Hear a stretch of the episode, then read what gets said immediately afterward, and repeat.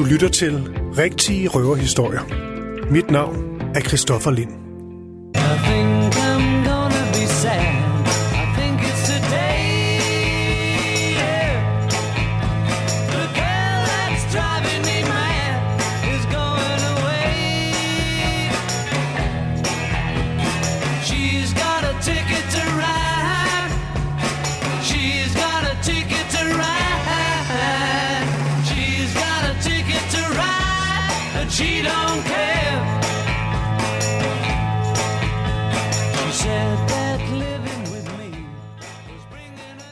Ja, det her det er jo, som øh, du lige kunne høre i introduktionen her, rigtige røverhistorie. Det er altså ikke øh, syv vilde år med The Beatles, et program, som jeg begik sammen med min kollega Anders Christiansen og sammen med vores øh, faste Beatles-ekspert Nils Jakob Søndergaard Myge i, øh, i sommer. Men det er altså The Beatles, det skal handle om. Og det her program, det øh, beskæftiger sig jo med konspirationsteorier. Så kan man tænke, hvad er det lige, The Beatles og konspirationsteorier har med hinanden at gøre? Men der er rigtig, rigtig meget. Og det er jo egentlig også noget, man kan sige, min kollega Nicoline Larsen, hun tog fat på i et øh, tidligere program. Det her med kulturindustrien, popkunsten, alt det her, hvordan det på en eller anden måde er filtreret ind i konspirationsteorier. Bare tænk på Elvis Presleys død, eller rapperen Tupac Shakurs død, hvor der jo stadigvæk er folk, der simpelthen argumenterer for, at de ikke er døde, eller i hvert fald lever et eller andet har levet et eller andet andet sted, at de flygtede væk fra berømmelsen om at leve videre på Bahamas, eller hvor det nu kan være. Det er en form for konspirationsteori, og der er rigtig mange, når det kommer til øh, de her popkulturelle fænomener, og et af de allerstørste og bedste eksempler, det er altså The Beatles, og det giver jo egentlig også meget god mening, fordi det jo er den største musikgruppe nogensinde i historien, og sådan er det. og øh, ham, der lige klukkede der, det var altså Niels Jakob Søndergaard Myge. Jeg selvfølgelig har med igen. Jamen, det Hej, er Niels fordi, jeg er jo enig. Jeg klukler, fordi jeg er enig. Ja. Og Niels Jakob, øh, godt at se dig igen. Ja, i lige måde. Nu tager vi lige en uh, tur i Manation igen med uh, The Beatles, men denne her gang om uh, konspirationsteorier. Og bare lige for at slå fast, så en af de helt store, vi skal ind på, det er den, der hedder Paul is Dead. Altså den med, at Paul McCartney rent faktisk uh, skulle være død i uh, 1966, og så erstattet med en, uh, ja, en form for kopi. Og det er altså en konspirationsteori, som er så stor, at den, ja, den har blandt andet bare sin egen meget, meget lange Wikipedia-side. Jeg vil gerne lige sige, som en indledende bemærkning, det bedste ved den her konspirationsteori om Paul McCartneys mulige død, det er selvfølgelig, at hans erstatning hedder Fall. Mm. Ikke Paul, men fordi han er fake, så er det Fall. Og det er sådan noget, der kun opstår i konspirationsteorier. Jeg elsker sådan de der navne og betegnelser. Og det er noget, når man ser interviews med Paul McCartney helt frem til i dag i 2020, det er noget, han sådan skal forholde sig til. Altså det er noget, der, sådan er, der i hvert fald stadigvæk lever videre. Han siger det selvfølgelig med, altså der bliver joket med det og sådan noget, men den hænger altså fast. Ja, øh, jeg vil sige, den, så vidt vi ved, så opstår den her myte, den her teori, den opstår i slutningen af 60'erne, omkring 69, naturligvis i USA. Den kunne selvfølgelig ikke opstå andre steder. Og jeg vil ikke afvise, at der, at der har været nogle af de her syrehoveder i, øh, på amerikanske colleges øh, i 60'erne, som virkelig har troet fuldt og fast på det. Øh, min egen, ligesom, øh, min egen betragtning her er, at den får mest af alt liv, fordi den er så åbenlyst åndssvag, og fordi der er så mange i gåsøjne spor mm. over det hele. Der er virkelig mange spor. Og det er jo bare sjovt med et band, som alle har et forhold til, eller alle kender i hvert fald, at man kan dykke ned i de her velkendte ting, og så sige, jamen i virkeligheden, så er det her et tegn på, at Paul McCartney er død. Men altså, jeg ved ikke, hvor meget øh, sådan reel, øh, hvad skal man sige, hvor, hvor mange reelle, øh, hvor mange mennesker tror reelt på den her. Nej, nej. Øh, Det er jeg ikke sikker på. Nu er det mere sådan, nu, nu er det blevet noget sjovt, vi taler om. Øhm, Ja, fordi den, men, men du har ret i, at Paul McCartney bliver stadig mm. spurgt ind til, når man lagde nogle af de her spor med vilje, og øh, nej, da han var inde i Letterman, i Lettermans sidste sæson, og der blev han også spurgt om det, og det var jo selvfølgelig med et smil på læben, men mm. det er rigtigt, den, den lever jo stadig, og nu sidder vi her og taler om den. Og det her med de her spor, du nævner, det er også en ret øh, vigtig pointe, fordi det skal vi mere ind på senere, at Beatles jo også selv lagde nogle spor ud til eksempelvis øh, øh, tolkninger af deres sange, fordi at de jo nærmest ikke kunne sige noget eller skrive en, en linje til sidst, Ja. uden at de blev fuldstændig overanalyseret, og det må betyde det og det. Og når vi er ved de her spor, så er der jo en ting mere, vi i hvert fald skal ind på. Det tror jeg, vi gemmer lidt, men det kommer senere i programmet, og det er øh, Charles Manson, ja. som jo hørte det hvide album, og på en eller anden måde fik sig selv overvist om, at det på en eller anden måde beskrev en form for kommende rasekrig. Og det her, det lyder helt skørt, men det endte jo med at blive blodig alvor. Ikke at det direkte var The Beatles, som man kan sige var, øh, var skyld i, at Manson øh, og Manson-familien gjorde, som de gjorde, men, men han tog det dybt bogstaveligt, så han Ja. mente, at Beatles, de talte direkte Ja. øh, til ham. Ja. Men jeg vil gerne starte med øhm, Paul is, uh, is Dead. Jeg ser det her Beatles cover til det album, der hedder Abbey Road. Ja. Det er der, vi går over det her fodgængeroverfelt, og, og så ser man de fire Beatles gå. Der er John Lennon i, øh, i, øh, i hvidt tøj. Så er der Ringo Starr i et, øh, i et jakkesæt. Paul McCartney også i et jakkesæt, men med bare tær og en cigaret, der hænger ned. Ja, i hvilken hånd? Højre I højre hånd, og Paul McCartney er venstre håndet. allerede der. Uh. Og så bagved, der har vi George Harrison i det, jeg vil kalde for full denim. Ja. Og øh, Double denim. double denim. Og, øh, og hvad alt det der, det betyder, det skal vi ind på. Men jeg husker bare, jeg så den plakat, og så får jeg fortalt, at der var alt muligt, man kunne læse og tolke i den. Hvad de hver især repræsenterer, kvæg deres tøj, måden at, at gå på, det med, at han har bare tær. Og så var der også noget med, at hvis man ser en nummerplade på en af bilerne, så kunne det på en eller anden måde indikere, at de fortæller os, at den rigtige Paul McCartney faktisk er død. Og selvfølgelig, der tænkte jeg, da jeg hørte det her, det var langt ude. Men man elsker jo også sådan noget. For det er jo dybt Ja, ja, fascinerende. Ja, ja. Og sidder man og kigger på den her plakat, nøje grænsker den. ja. Er der virkelig noget på det her cover, som fortæller mig noget? Men du har øh, zoomet ind på Paul McCartney. Vil du lige beskrive ham først? Paul McCartney, han, øh, de fire biler, de går jo over øh, fodgængerovergangen på Abbey Road, den her vej i øh, Nordvest-London, hvor der studie ligger.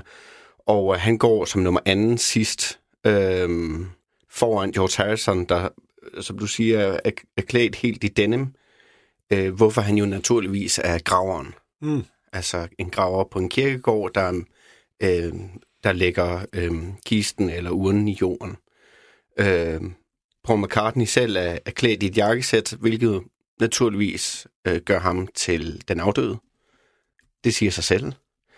Øh, Ringo er klædt helt i sort, så er han jo bedemanden, og så går øh, John Lennon forrest, helt klædt i hvidt og med langt, glat hår. Det er jo en engel. Øhm, Paul McCartney har bare tær, i modsætning til alle de andre, som har øh, flotte sko på. Paul McCartney har den her cigaret i højre hånd, selvom han er venstrehåndet. Og det er jo helt entydigt bevis på, at det ikke er Paul McCartney, men en fall. Mm. Og øh, så ser vi jo baggrunden, som du nævner, øh, biler parkeret, og en af bilerne har en, det er sådan en, øh, en cremefarvet Beetle.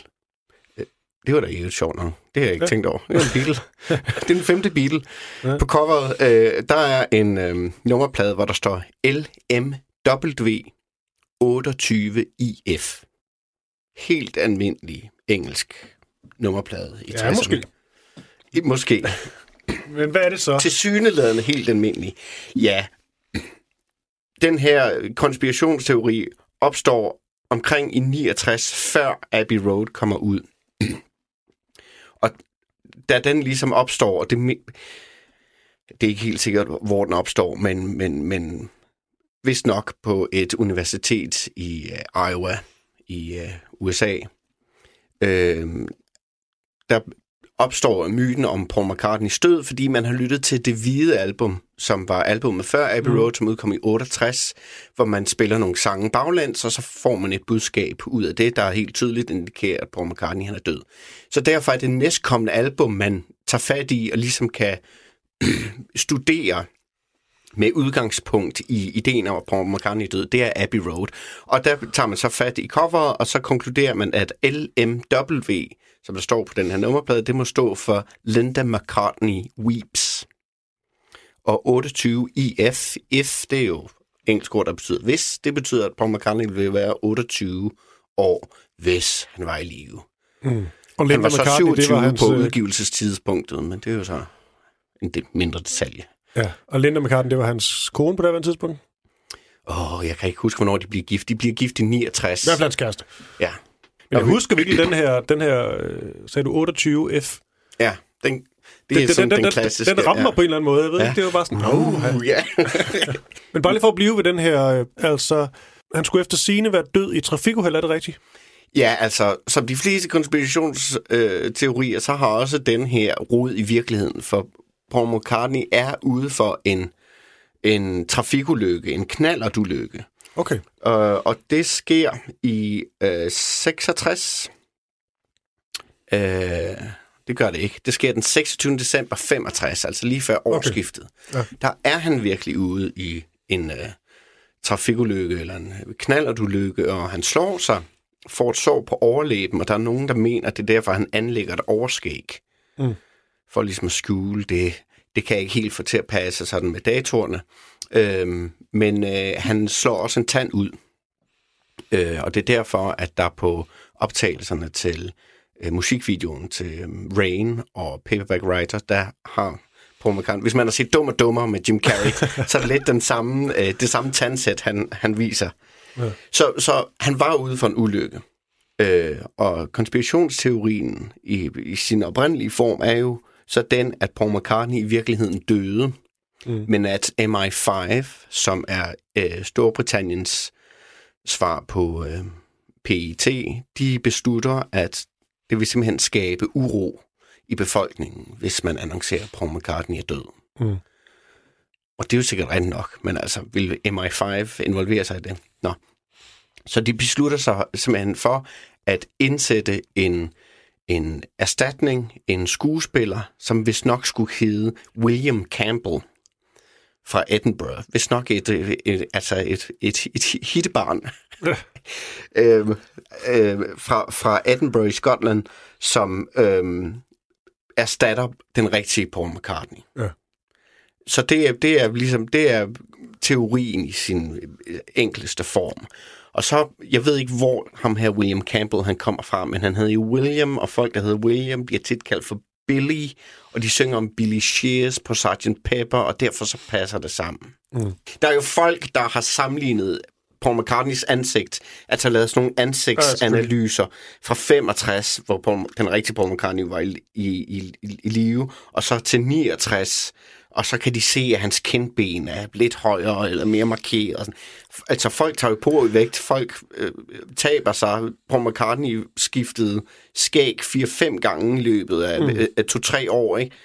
Så det er, det er virkelig... Øh, øh, de mennesker, der står bag de her øh, teorier og har fundet de her spor, man skal virkelig være stålsat for mm. at øh, trække linjer mellem nogle af de her albumcovers og, og, og andre spor, og så, og så til at ligesom konkludere, at det er Paul McCartney, der er død. Mm. Helt åbenlyst. Der er så mange gode spor, som jeg håber, vi kan vende tilbage til lidt senere. Åh, Nå, men er der flere spor til Paul Stedt? oh, der er masser. Nå, så lad os bare til dem. gal? Jeg er slet ikke, jeg vil jeg ikke Lad- lyst til at, af, at slutte den allerede. Nej, nej, altså, nej, nej, altså, der er nogle vidunderlige spor, som jeg håber, vi kan komme ind på. Den oprindelige, det er jo den her, den her knægt på et universitet i Iowa, som fortæller en DJ, altså en radiovært i USA, at han har fundet ud af, at hvis man spiller indledning til nummeret Revolution 9 Mm-hmm. fra det hvide album, så øh, kan man høre øh, en, øh, så- kan man høre et skjult budskab. Øh, Og bare lige så alle lige er med, Revolution 9. Ja. Øhm, for der er også den sang, der bare hedder uh, Revolution, så- som, som er lidt mere... Øh, det, det er en god, ja, det er en rock and roll sang, en god rock and roll sang. Ja, og så er der Revolution 1, som er den samme sang, men bare på akustisk. Og så er der Revolution 9, hvor man også lige skal med, at der er også noget med John Lennon og, og tallet 9, han var sådan nærmest be, Ja. be, be, besat af. Ja. Øhm, Men Revolution 9, det er vel nok det mest syrede stykke musik, Beatles de, øh, de udgiver. Kan du lige prøve at lige beskrive det, før vi, vi hører noget af det baglæns? Revolution 9 er et meget, meget langt nummer, som stort set kun består af båndsløjfer og lydeffekter, og øhm, det er nærmest et stykke per- performancekunst. Det er jo John Lennon, der er klart inspireret af, af Yoko Onos øh, kunstneriske øh, svære på det her tidspunkt. Øhm, og det er ifølge John Lennon selv et, en kommentar på øh, tingens tilstand i 1969 efter et studenteroprør og optøjer i Paris i sommeren 68 og Vietnamkrigen og alt muligt. Øh, og det er, som du siger, øh, totalt syret, men det starter simpelthen med en stemme, der siger number 9, number 9, number 9. Og hvis man så spiller det bagfra, så får man en, et budskab, og det høres tydeligt, tydeligt, at manden siger, turn me on, dead man. Turn me on, dead man. Skal vi prøve? Ja, det er jo sjovt. Jeg fandt øh, jeg tog den bare her på YouTube, og øh, topkommentaren det er, Sounds creepy, but you guys, Paul is alive. Og så en, der skriver efter 1.32, altså 1 minut og 32 inden, der bliver det sagt, Paul is dead, og efter 2.03 står der, a car crash. Hvad jeg bare skal høre derfra? Det er jo så baglæns, det her, ikke? Seusta. Jesus Howard. Lappeus Nadja.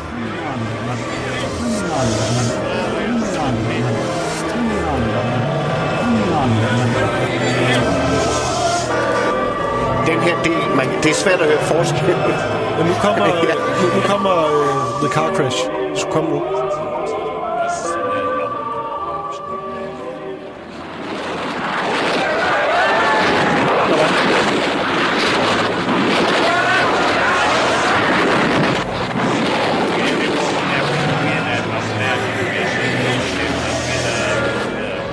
Så er der en her, der skriver, at hvis man går frem til det 8. minut, så skriver han, Listen carefully, he said, Turn me on, dead man. Ja, der er det.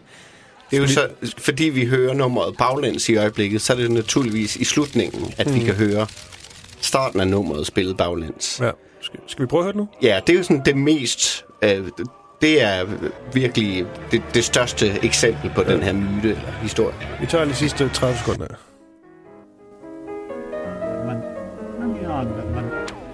Honey Anderman, Honey Anderman, Honey Anderman, Honey Anderman, Turn me Honey on, Anderman, Honey Anderman, dead man. Honey Anderman, Honey Anderman, Honey Anderman, Honey Anderman, Honey Anderman, Honey Anderman, Honey Anderman.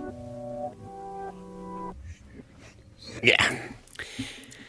Og Det er jo ligesom at høre det der, de der dansende dvæve i Twin Peaks, de der drømmesekvenser. Det er jo noget af det samme. Det kan da være, at Lynch har været, en, David Lynch øh, har været inspireret af... Hvordan gør vi noget rigtig creepy? Det er Ja, ja, en ja. dvæv til at tale baglæns, Ja, ja, det er der danser rigtigt. i et drømmerum. Ja. Ja, men Beatles var jo et af de første bands, som begyndte at eksperimentere med det her baglands, øh, øh, at, at bruge øh, bånden spillet baglands mm. i musikken. Men altså, jo, det lyder da lidt som om, han siger turn me on that, men, men altså, det er med den gode vilje, altså man skal virkelig øh, ville høre det, ikke?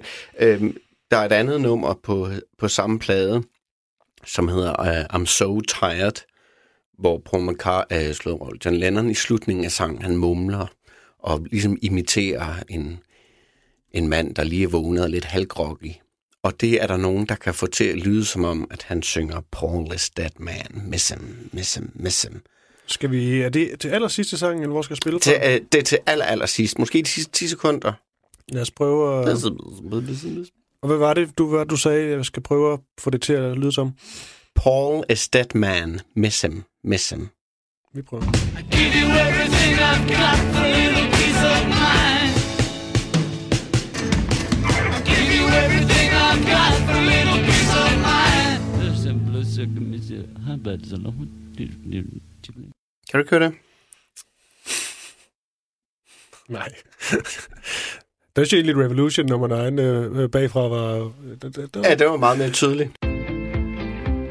Du lytter til Rigtige Røverhistorier. Mit navn er Christoffer Lind. Det er måske også fordi For det første er det jo sjovt at tænke, at de ligesom har leget med os, og når nummer er så syret, så, hvis, så kunne de jo... Og fordi man kan sige, Beatles kunne rent faktisk... John Lennon kunne være, godt være typen, der havde tænkt over, Ja, få et eller andet til at give mening. og, eller men, men det der, det er helt åndssvagt. det er måske også, fordi den er så creepy, når den lyder bagfra. Man får lyst til at... Jeg får sådan lyst til, at det skal... Fordi det, det lyder Ja. bare lidt uhyggelig musik Jeg synes, den bagfra. lyder cre- creepy forfra. Især hen mod slutningen, da Yoko Ono opfordrer til, at øh, vi skal være nøgne. Øhm, nej, altså... Øh, det her, det er ikke John Lennon, der har lagt, der mumler bevidst for at få det til at lyde som om, at han måske siger, at Paul McCartney er død. Han lægger nogle spor ind i sine sange, som vi ved, altså, han har gjort bevidst for at drille folk. The Walrus was Paul, synger han i uh, Glass Onion. Og, og det er ikke andet end en henvisning til I Am the Walrus, sangen han skrev året for inden, som så igen er en sang, der bevidst er skrevet fjollet for at få alle de her hobby øh, filosofer til at undre sig, uh, hvad mener han med det, hvad mener han med det. Mm. Øhm, han mumler på andre Beatles-sange på, i slutningen af Strawberry Fields Forever, der siger han cranberry sauce. Cranberry sauce. Og det har, kan folk høre som om, at han siger, I buried Paul. Jeg begravede Paul. Du ved, som... Øh, man, kan få, man kan få hvad som helst til at lyde som hvad som helst. Mm. Det man ikke kan fake, det er selvfølgelig Sgt. Pepper coveret, som er proppet med henvisninger til Paul McCartneys død. Ja, kan du lige til, øh, til dem, der ikke lige har det helt frisk i rendingen Ja. eller foran, så lige prøve at... Er det jo svært at beskrive det hele, for der er så mange personer med på det, men lige prøve at beskrive sådan i, i grov træk, hvordan det ser ud, det der Sgt. Pepper øh, cover. Sgt. Pepper coveret er et meget, meget farverigt cover, hvor øh, de fire Beatler i øh, farverige uniformer øh, står foran en stor flok mennesker, som i virkeligheden er fuldfigurs, pap, papfigurer af, af kendte mennesker.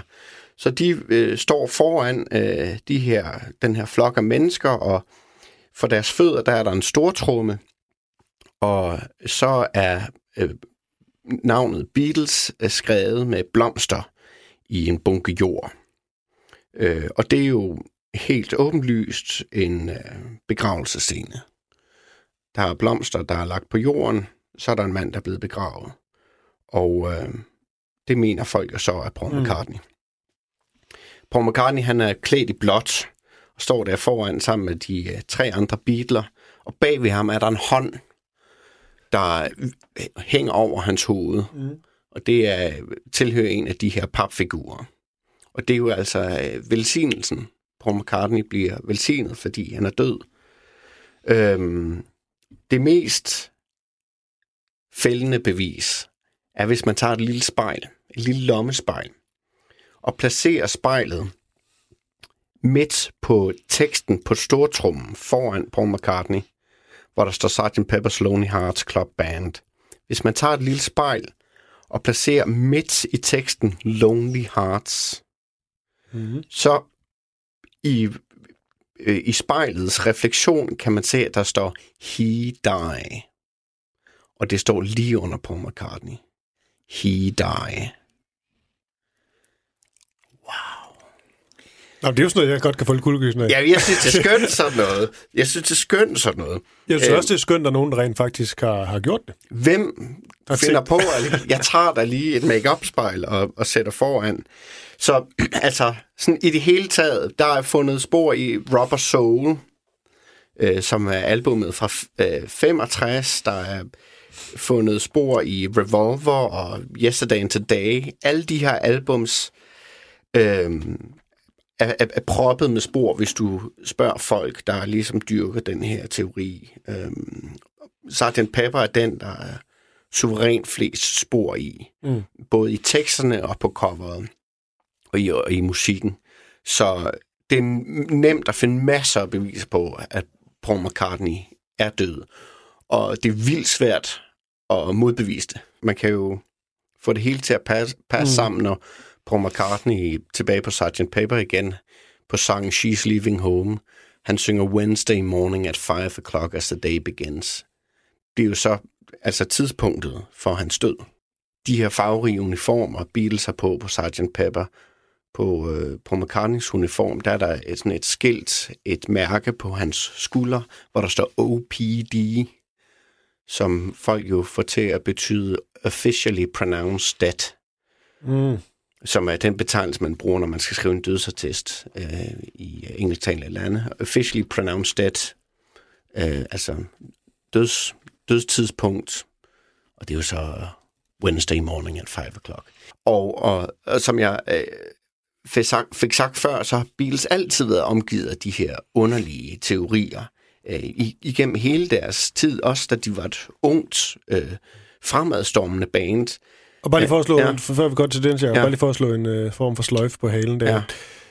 Øhm, hvis man søger på, øh, på Google på Paul McCartney is dead, eller Paul is dead, Ja. så øhm, jeg søger på Paul McCartney is dead, så kommer der næsten 26 millioner resultater frem.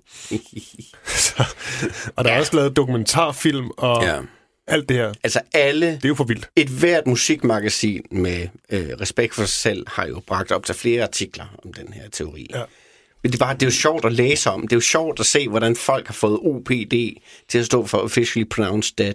Mm. Og det er jo sjovt at høre Beatles spillet bagfra. Og jeg skal lige sige, Ja. ja. du lytter til, øh, til rigtige røverhistorier. Mit navn er Christoffer Lind, og i det her program, der taler jeg med Beatles ekspert, Niels Jakob øh, Søndergaard Myge, og øhm, det her program handler jo om konspirationsteorier, og øh, det er jo ikke tilfældigt, det er dig, der sidder over for mig, Niels Jakob, for det er konspirationsteorier og The Beatles, vi taler om. Og som du lige kom øh, teaset lidt for her, så er Paul is Dead-myten, vi har talt en masse om, en blandt, øh, blandt flere, for Ja. der er... Øh, du kan nærmest få svin med de her øh, øh, k- konspirationer, der kommer til øh, The Beatles. Ja, jeg, har været lige ved at øh, sige det øh, flere gange, så jeg må heller lige afslutte det her med, at også tidligere i Beatles karriere har der været ja. teorier, der har været teorier om, at John Lennon skulle have haft et homoseksuelt forhold til øh, deres manager Brian Epstein.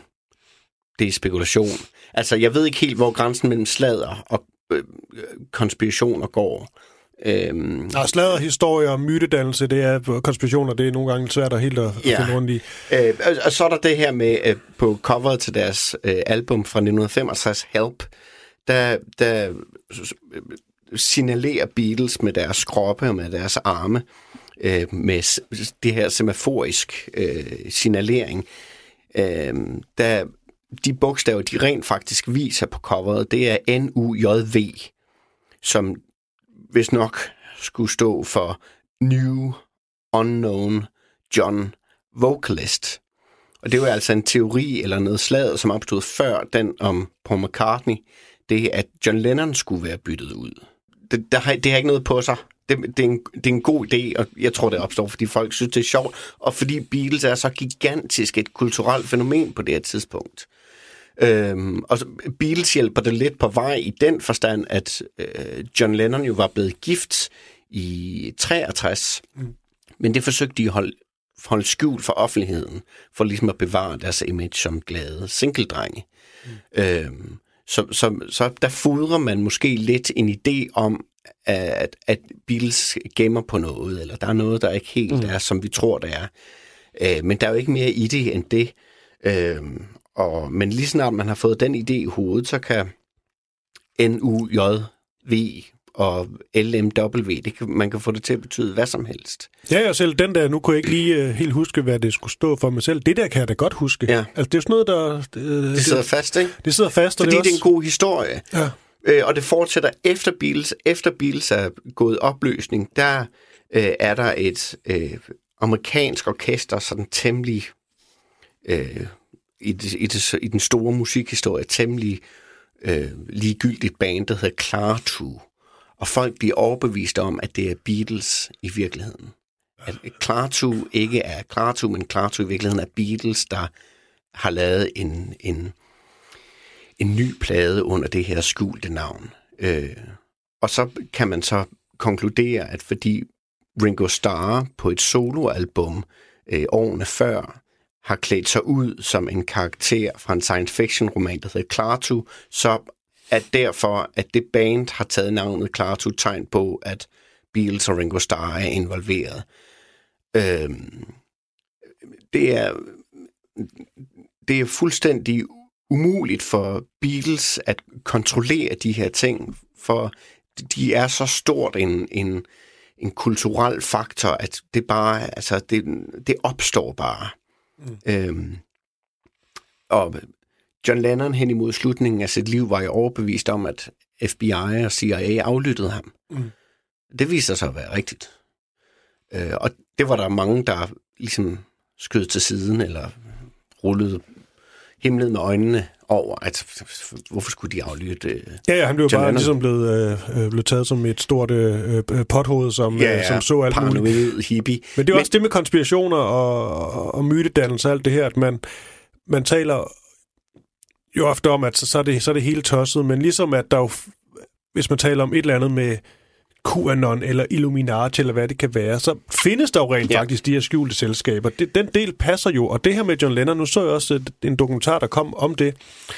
Altså, han var helt op på bordet i det hvide hus Ja. Ja. Fordi han simpelthen, hans, hans påvirkning kunne gøre det og det, og de ville gerne have ham deporteret og alt sådan noget her. Så, så på den måde, der, øh, der viste han jo ja, netop at have, have ret i ret meget af det, han, han gik og frygtede. Ja, ja, ja, men, men det er jo det, der... Men det lød bare skørt, ikke? At Jo, det er rigtigt, men det er bare det, der er det farlige ved konspirationsteorier, at de, der ikke er interesseret i at få det afsløret, kan jo nøjes med at sige, at det er bare en konspirationsteori, ja. og, og så øh, kan de, der påstår eller øh, hævder, at det er sandheden, de kan jo ikke rigtig gøre noget, for når først noget er bestemt som en konspirationsteori, så har det jo ingen, øh, har det ingen øh, hvad hedder det, troværdighed Nej. længere. Så når John Lennon sagde, at jeg bliver aflyttet af FBI eller CIA, så siger folk, "Hold- kæft, det er da sikkert en konspirationsteori. Mm. Og så er der ingen, der tror på ham. Det viser sig at være rigtigt. Øhm, og det bliver jo brugt i politik. Du har talt om øh, QAnon og øh, altså de her konspirationsteorier eller sandheder, som bliver kaldt for konspirationsteorier. Det er, jo, det er jo totalt umuligt, så man må jo bruge sin egen øh, kritiske sans. Altså, jeg tror på nogle konspirationsteorier, øh, og så er der andre konspirationsteorier, jeg ikke tror på. Øh, jeg tror for eksempel ikke på, på McCartney er død. Nej. Og en, øhm, en god øh, tommelfingerregel til, øh, øh, til, til os begge to og til alle derude, det er, lad være med at begå al din research på YouTube. det, er sådan, det, er sådan, det, det er sådan en grundlæggende regel. Du kunne sagtens finde to videoer nu med en eller anden fyr eller kvinde, der forklarer dig, ofte fyr, det er altid fyre, Ja. men øhm, Men altså, som, som forklarer dig, at, at, at den her Paul, den holder, og, og, og ligesom med månelanding og alt det her, at hvis du virkelig ser nogle enkelte videoer, så kan du fandme blive overbevist, fordi Ja, folk ja, er gode til at samle de her, og jo mere de samler til bunke, jo mere bliver det okay. Der. Ja, det er rigtigt. Og, og det her med månelandingen, der Stephen Fry, den engelske komiker og forfatter, han, han, han, øh, han øh, kommenterer også på den her teori om, at øh, mennesket ikke skulle have været landet på månen, eller amerikanerne ikke øh, har mm. gået på månen. Hvor han siger, jamen Sovjetunionen har aldrig nogensinde sagt, nej, det er løgn, det passer ikke, det kan ikke lade sig gøre. At det er ikke et ret godt tegn på, at altså, Sovjetunionen ville da have råbt vagt i gevær, hvis, hvis Stanley Kubrick havde instrueret månelandingen. Og det er lidt det samme med, med, med, med Paul McCartney. Øh, altså, den er så selvfølgelig ja, helt på månen, skulle jeg til at sige. Men, mm. altså, den er, den er så skør, men altså, alligevel er der jo formentlig folk, der tror på den, men hvad i alverden skulle de få ud af det? Vi skal, um, før vi skal hen til, uh, til Charles Manson, så synes jeg næsten lige, vi skal høre det nummer, der hedder Glass Onion, som jo er en af de, den er på det hvide album, men jo, det er ikke et af de berømte Beatles-numre. Det er ikke en, du ofte hører i radioen. Men um, Glass Onion, det er vel en af de her sange, der viser, at Beatles, og her især John Lennon, var meget, meget bevidste om, at folk de, øh, de tolkede og fortolkede øh, det, de, det, de skrev og gjorde, øh, The Beatles. Ja. Fordi det er jo lidt en, så vidt jeg har forstået, så er det sådan lidt en, en eller anden form for drillesang. Ja, det er det, og han refererer flere Beatles-sange i den, øh, samtidig med, at teksten Øh, igen dykker ned i det her Lewis Carroll-univers, som John Lennon var meget optaget af. Lewis Carroll, som skrev øh, Alice i Eventyrland. Så det er en John Lennon øh, øh, fjolletekst, men samtidig er der de her øh, øh, referencer og forsøg på bevidst at lægge spor ud, som folk kan hisse sig helt vildt op over og undersøge betydningen af. Mm øh, reelt betyder den her sang lige præcis intet. Og noget af det, jeg, jeg godt kan lide ved, øh, ved den her, det er, at han jo simpelthen siger direkte, fordi han godt ved, at folk de prøver at læse de her små tegn og alt muligt. Han synger jo simpelthen, well, here's another clue for you all. The walrus was Paul. Altså, han giver den simpelthen videre. Ja. Værsgo. Ja. Jeg tror, at øh, John Lennon har let efter noget, der rimede på Paul, fordi han gerne ville nævne Paul i sangen. Altså, jeg tror, det er på det niveau.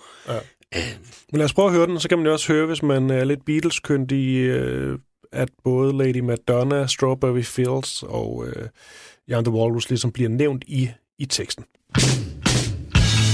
I told you about strawberry fields. You know the place where nothing is real. Well, here's another place you can go. Where every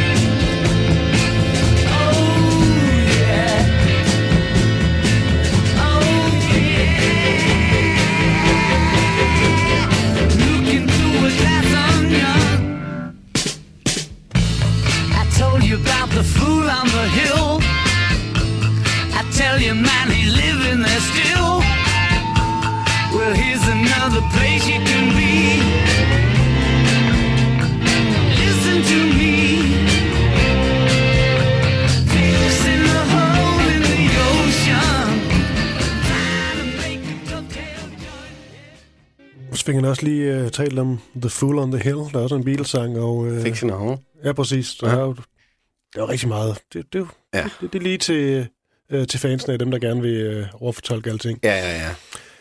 Niels Jakke, vi skal lige nå ind forbi øhm, øh, Charles Manson. Og det er jo på en eller anden måde en...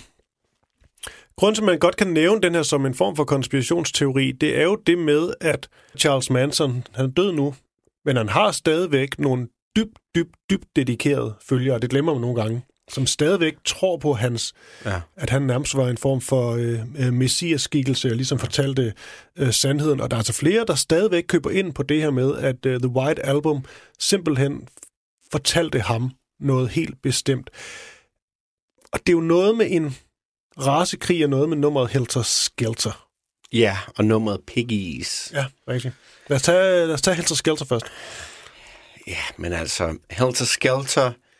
Øh, hvis vi skal tale om Helter Skelter totalt faktuelt, så kan du bygge øh, Mansons tolkning på.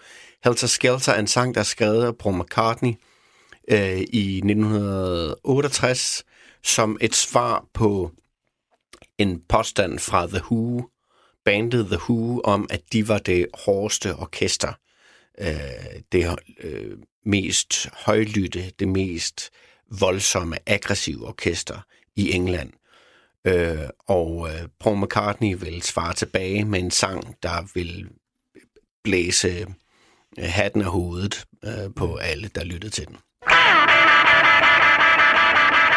When I get to the bottom, I go back to the top of the slide. Where stop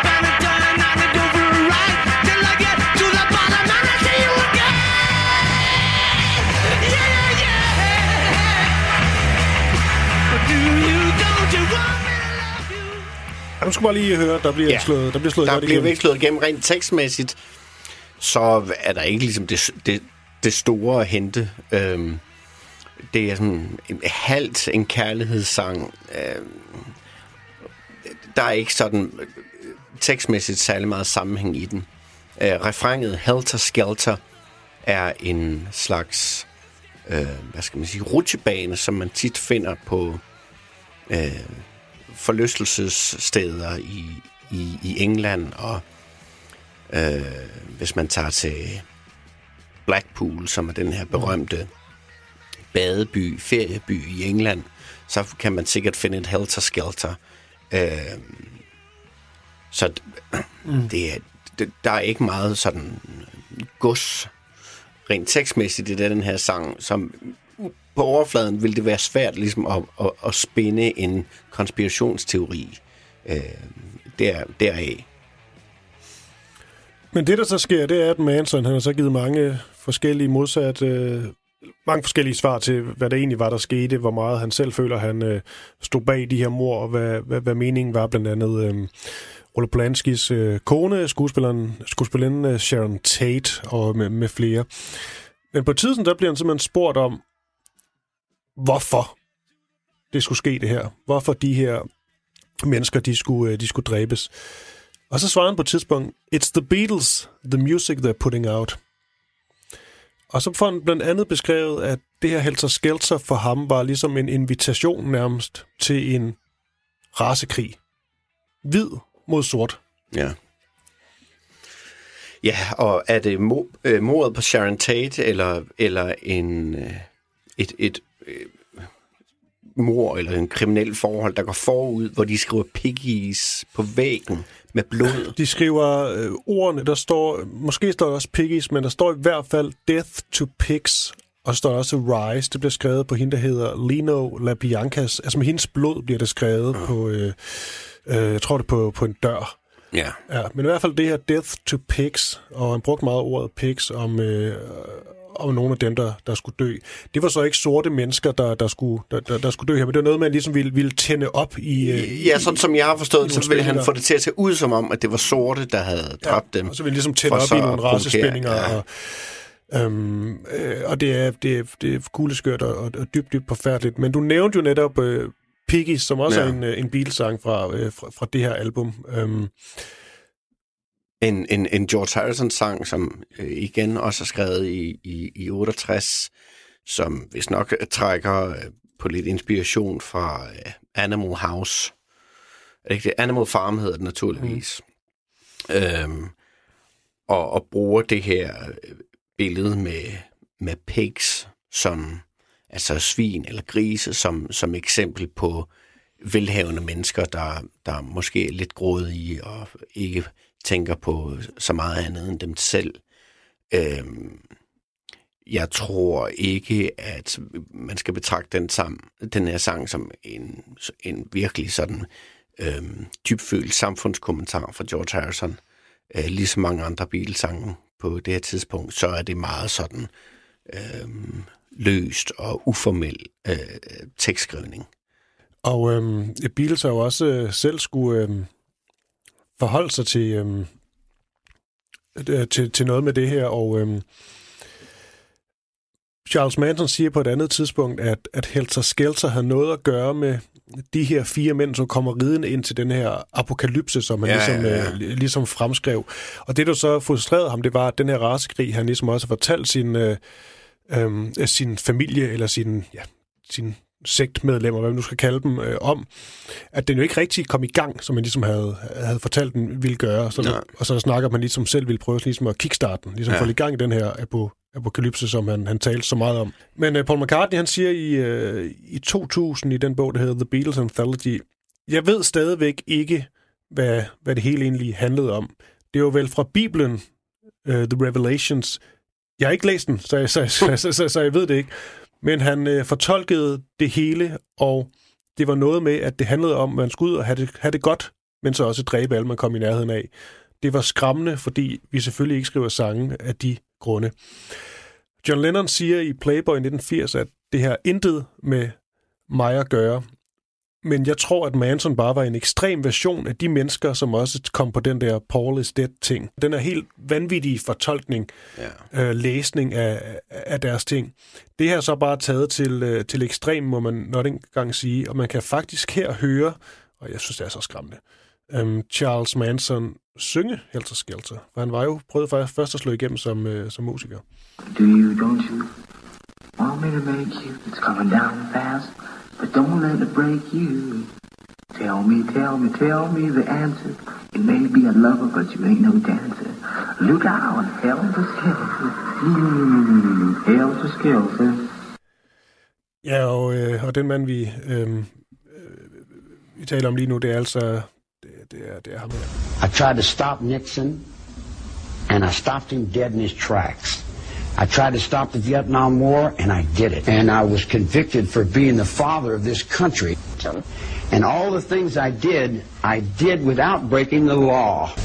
Maybe I haven't done enough. I might be ashamed of that for not doing enough. As you get a lot of mail from people who want to follow you still. Follow me. Did you have any choice? You'll all follow me. Jeg synes jo, den er interessant, den her, fordi den jo også viser Beatles indflydelse. Ja. Han, han hørte også Magical Mystery Tour og mente, at der var alle mulige særlige øh, meddelelser øh, til ham. Og ja. han følte jo ligesom, at deres musik og, og deres størrelse var så stor, at, øh, at der ligesom måtte være en eller anden større ting. Altså det kunne ikke passe, at de i godsøjne bare var en, en popgruppe. At de havde så ja. meget indflydelse og magt, ja. at de selvfølgelig ville fortælle ham et eller andet. Men det jeg også synes er skræmmende, og det er jo selvfølgelig på ingen måde overhovedet Beatles skyld, men det skræmmende det er, at hende, der hedder, jeg tror, hedder Susan Watkins, hun er i hvert fald Watkins efternavn, en af dem, der var med i den her Manson-familie. Altså, hun har jo sagt, at før Helter Skelter kom, der var det eneste Charlie, som han blev kaldt. Det eneste, han gik op i, det var, øh, det var stoffer og orgier. Ja. Øh, han havde jo sex med alle sine, øh, sine kvindelige medlemmer. Ja. Men da Helter Skelter kom, så er det som om, at han ligesom, at den her, det, den her apokalypse, han har haft op i hovedet længe, og den her rasekrig, han, han har en idé om, vil, vil ske, og, og de sorte vil komme og ødelægge alle, alle byer, så skal vi give dem igen. Alt det her. Ja. Altså, det er simpelthen på en eller anden måde uh, The Beatles' hvide album, som virkelig får sat ham i gang, hvilket er ufatteligt at tænke på. Det er jo bemærkelsesværdigt, at John, John Lennon bliver skudt af en måske lige så gal mand, men der er ingen konspirationsteori involveret. Altså, man kunne godt have forestillet sig, at det var en, en mand, som ville slå John Lennon ihjel, fordi... Mm. Og så en eller anden vild teori, eller en eller anden vild forklaring. Men det var ikke andet end en gal mand, der vil have opmærksomheden. Og, Nej, nej, selv, selv så smuk en... Nej, det er rigtigt, men bare lige... Jeg kunne Ja. ja. ikke... Det er bare fordi, den der Manson-ting bare blev ved med at sidde fast i mit hoved. Ja. Fordi selv Det skal sang- du passe, det er farligt. Jeg ved det godt, men det er Ja. fordi selv en sang som... Så, det er bare vildt, hvordan man kan høre noget så øh, forskelligt. Øhm, men det er bare selv så uskyldig smuk en sang, som, som Blackbird var også en af dem, man tog fat i. Ja. Og når man så ser den, altså, altså hvad den hedder, og hvis man lige prøver et øjeblik, det, skal man, det er jo nogle gange en god øvelse at sætte sig ind i hovedet på dem, der står bag de her øh, konspirationer, eller, eller hvad, vi, hvad vi nu skal kalde det her. Øhm, så Blackbird, altså så kan du hurtigt op i dit hoved Ja. få det til at passe med noget med nogle, øh, nogle sorte, nogle negroes, Ja, og så ja. et eller andet. Ja. Og der synger han jo også øh, det her med, øh, hvad nu- arise, hvad nu linjen går. You're waiting for... You are only waiting for that moment to arise. Ja, og der har øh, nogen fra Mansfield senere sagt, at, at han brugte meget af det her. Han tog så adet ud, men så brugte han det her rise, og tog direkte fra, fra Blackbird. Det skrev de så også med blodet der. Det var, den, det var, den, det var den, den tragiske del egentlig. Men, øhm, men det viser meget om, om Beatles, øh, Beatles indflydelse. Niels Jacob, det, det, det vilde er, at vi nok godt egentlig kunne have blevet ved med, med det her. Ja, men det, det kan også blive for meget, ikke? Altså, man bliver lidt rundtosset efter sådan, altså, der er så meget. Og det er også det, man kan høre i Paul McCartney øh, øh, interviewet, også det John Lennon laver, lige i forhold til Manson-ting, men også den der Paul is Dead-ting. Altså, det kan godt være noget af det, har de synes var meget sjovt at spille lidt med på, men det virker også til, at for dem er det jo også helt fremmedgørende på en eller anden måde. De har siddet og skrevet nogle sange, og så skal... Ja, ja, og, og George Harrison selv har kommenteret på det, og han trak sig jo fuldstændig tilbage øh, i, i sine sidste år på sit øh, store landsted i, øh, i, i England, for han havde jo set, hvad der var, John Lennon var blevet skudt, ikke? og han havde jo set, øh, hvad Charles Manson havde gjort ved, ved, ved Beatles tekster, og han selv var blevet overfaldet i øvrigt øh, af en, af en gal mand med kniv, og så er det klart, man kan blive helt lammet, øh, for man, uanset hvad man foretager sig, så tiltrækker man sig opmærksomhed, og særligt fra de her øh, øh, skøre typer, der, der bor rundt omkring og, og, og tildeler dem en betydning, som, som er helt, helt ved siden af. Så øh, det har ikke været sjovt at være Beatle. Altså, Paul McCartney har mange penge, jeg tror ikke, det er sådan en uddelt fornøjelse. Og med det, Niels Jakob Søndergaard Myge, det var som altid en, øh, en stor fornøjelse, og øh, rigtig røverhistorie tilbage i næste uge, på samme tid, samme sted, er ikke det, man siger? Jo, det er det. Og øh, det lyder som en eller anden gammel tv Og til Top Martin. Ja, nå, men det er for tilbage om en uge, og det er med min øh, kollega Nicoline Larsen.